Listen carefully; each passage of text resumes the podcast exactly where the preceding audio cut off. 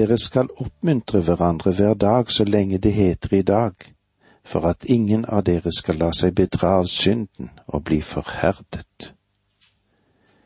Vi skal stille oss inn for Guds åsyn. Venner du deg til Jesus? Hvilken fremtid som vil vente på deg når du vokser i nåde og kunnskap og kjennskap om ham? Dere skal oppmuntre hverandre hver dag så lenge det heter i dag, for at ingen av dere skal la seg bedra av synden og bli forherdet. Vi som kristne trenger å være klar over hvordan synden kan bedra oss. Vi kan faktisk komme til et punkt i livet der vi føler at vårt liv er tilfredsstillende for Gud, selv om vi faktisk lever, skal vi kalle det for et ørkenliv.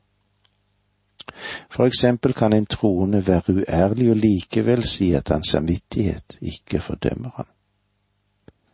Men da burde han egentlig fordømme sin egen samvittighet, fordi den er blitt forherdet gjennom stadig synd. Det er ikke umulig, for erfaringen viser det. Selv om det er forferdelig smertelig at menn som er Herrens tjenere, og som er totalt uærlige, som ikke kvir seg for en løgn, de kan falle på kne og be de frommeste bønner som du kan tenke deg. Også er det noe forunderlig som har skjedd. Deres samvittighet fordømmer dem ikke. Selvfølgelig fordømmer dem den ikke, fordi den har blitt forherdet. Hva som har skjedd? Jo, de tillater synden å florere i sitt liv. Denne forfatteren av hebreerbrevet går altså tilbake til den ørkenopplevelse som Israel hadde. Og eh, nå tilpasses den til oss, til de troende til de troende jøder i det første århundret, og kanskje òg på oss som lever i dette århundret. Det kan såre mange tær, dette. Men det er ikke jeg som sier det, Den hellige ånd som nå levendegjør disse sannhetene for våre egne hjerter. Det er det som vi skal være stille for å ta med oss. Eller la oss se i vers 14 i kapittel 3.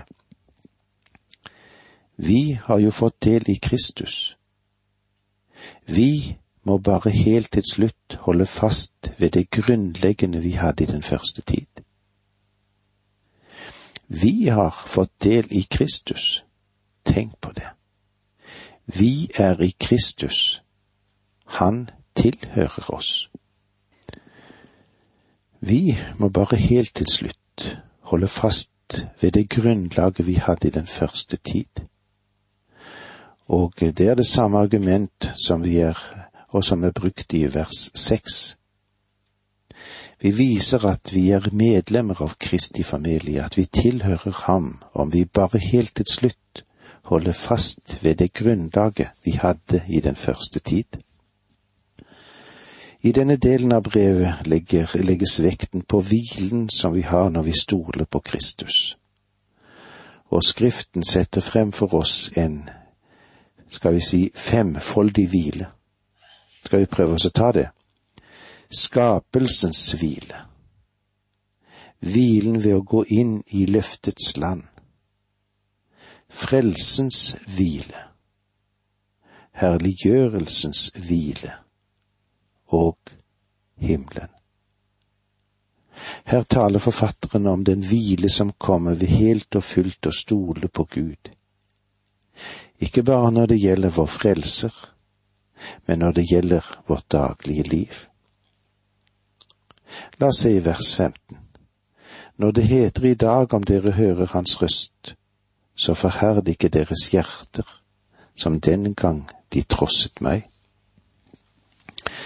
Dette avsluttes med et sitat fra Salme 95, som vi allerede har sett i vers 7-8 og det er åpenbart at han gjentar det for å minne leseren om at disse sannheter ikke bare tilhører gårsdagen, men det har å gjøre med oss som lever i dag. Og om du ville spørre meg, hva er den største synden i ditt liv? Hva er det som har holdt deg tilbake mer enn noe annet?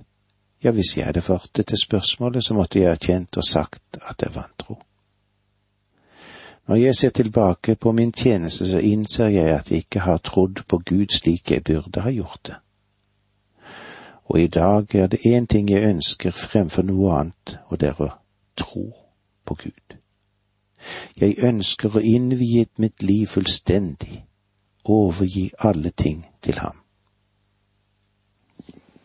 Det er noen som har flyskrekk, og det er en som har fortalt at han var ute på en lengre flytur, og han kjente at angsten kom krypende inn da de kom inn i en turbulent situasjon.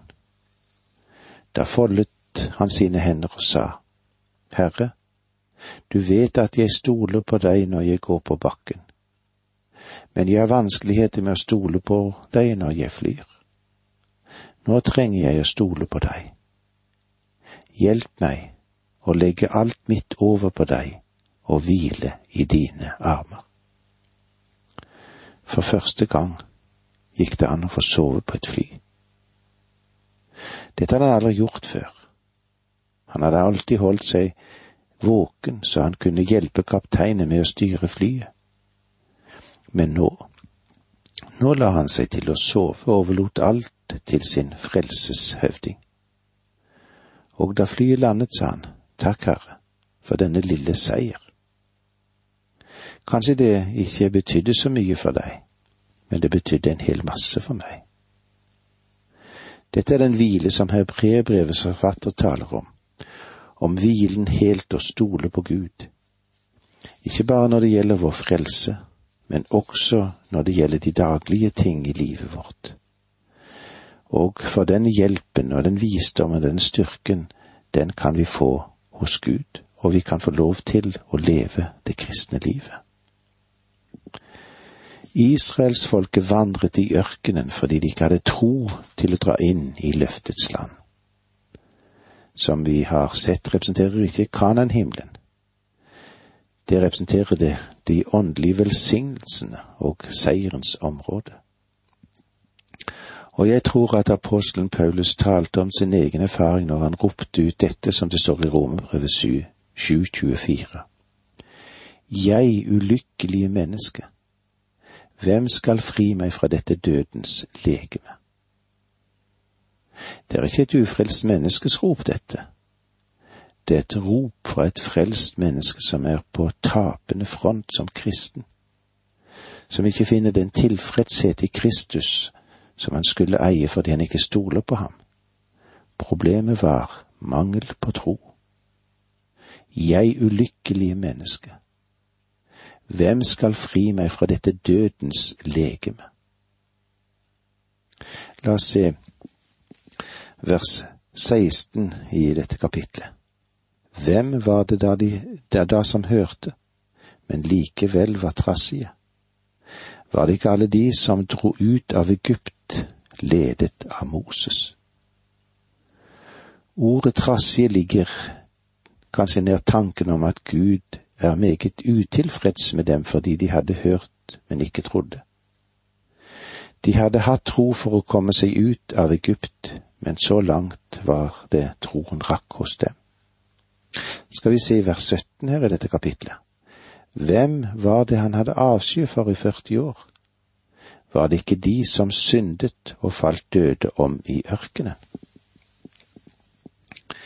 Igjen må vi spørre, hva var den synden som gjorde Gud bedrøvet? Ja, hva var det? Det var vantro. Vi erkjenner ikke alltid på samme måte som jeg er sikker på at de ikke erkjente at det å tvile på Guds ord, det er en alvorlig synd. Det er en av de verste fordi den fører andre, til, andre synder. For disse israelittene i ørkenen ble ledet til å tilbe en kalv det førte til utsvevelse, til avgudstro, og det førte dem til en absolutt fornektelse og avvisning av Gud. Og det viser seg at de vender ryggen til ham og til og med ønsket å dra tilbake til Egypt. De var av den oppfatning at slaveri i Egypt var bedre enn å vandre i tro i løftets land. Uheldigvis er det kanskje slik at mange troende fremdeles vandrer etter verdensvis. En vet ikke hva det virkelig er å stole på Kristus, og vandre i en klar tro og stole på ham. Legg nå merke til spørsmålet som kom. Hvem var det han hadde avsky for i 40 år? Han var bedrøvet over å hadde hatt avsky for hele den generasjon som kom ut av Egypt. De hadde syndet, og de falt etter hvert alle døde om i ørkenen. Bare to menn av hele dette folket hadde tro til Gud, og det var Josva og Caleb.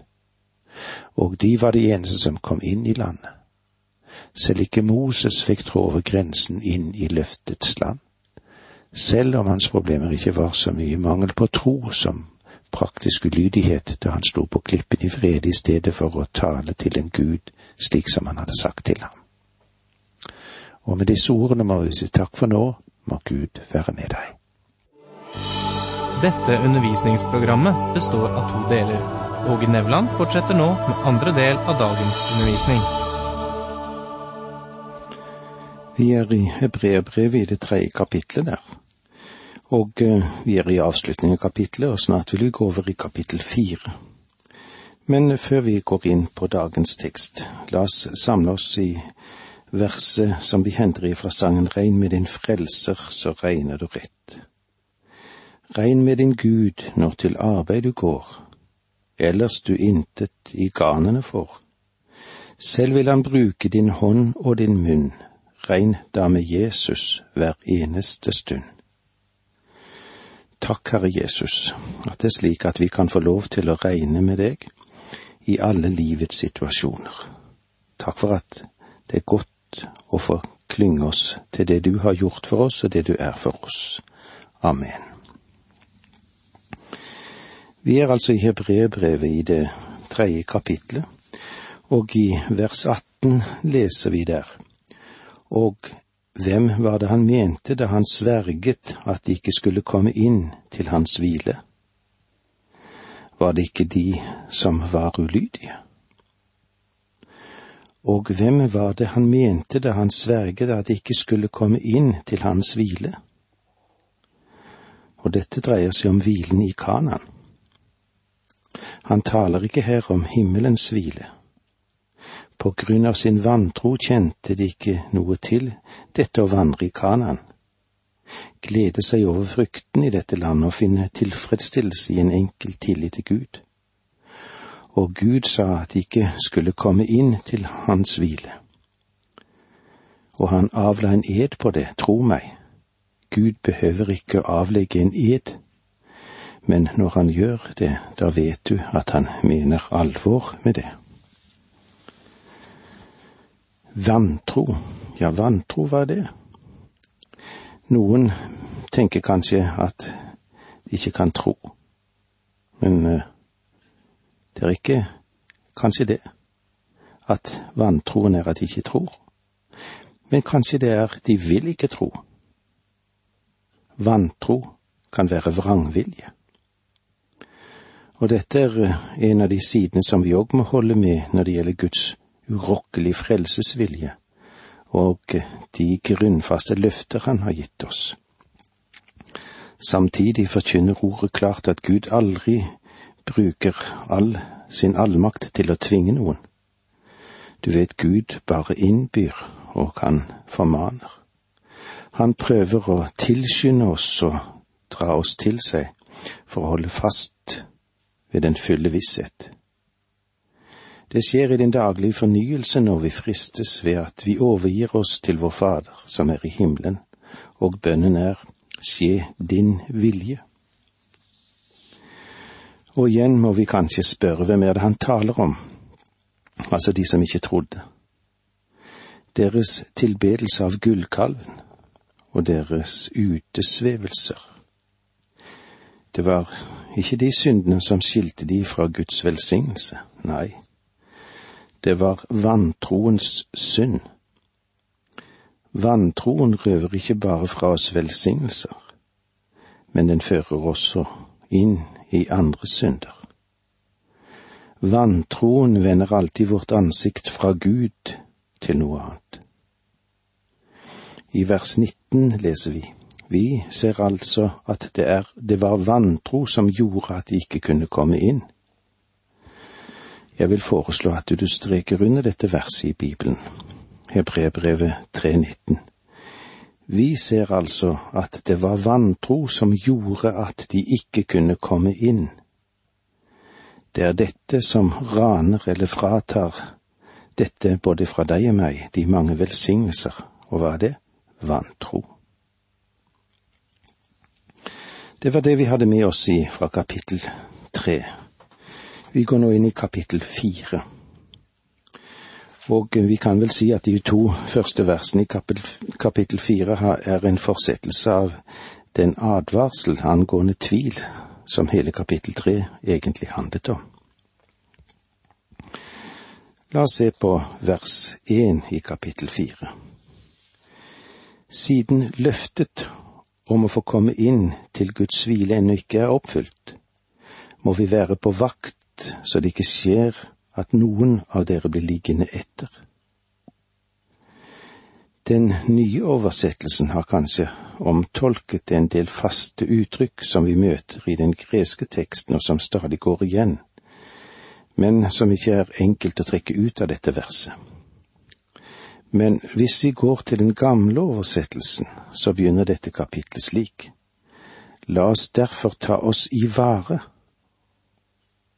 dette er første gangen at uttrykket la oss brukes i hebreerbrevet. Men det er en formulering som forfatteren stadig vender tilbake til, og uttrykket brukes for å angi en utfordring. La oss derfor ta oss i vare. I den nye oversettelsen er parallellen må vi være på vakt det er alltid den som er ivrig etter å finne feil også i Guds ord, og de vil si at dette utsagnet strider mot andre utsagn i Bibelen. Det sies til oss i Romerbrevet 8,15. Dere har ikke fått trelldommens ånd, så dere igjen skulle være redde. Og ja, andre Timotius brev 1,7 skrev Paulus, for Gud har ikke gitt oss motløshetens ånd, men krafts- og kjærlighets- og sindighetsånd og til dette vil jeg svare, jeg håper at du er redd for en hoggorm.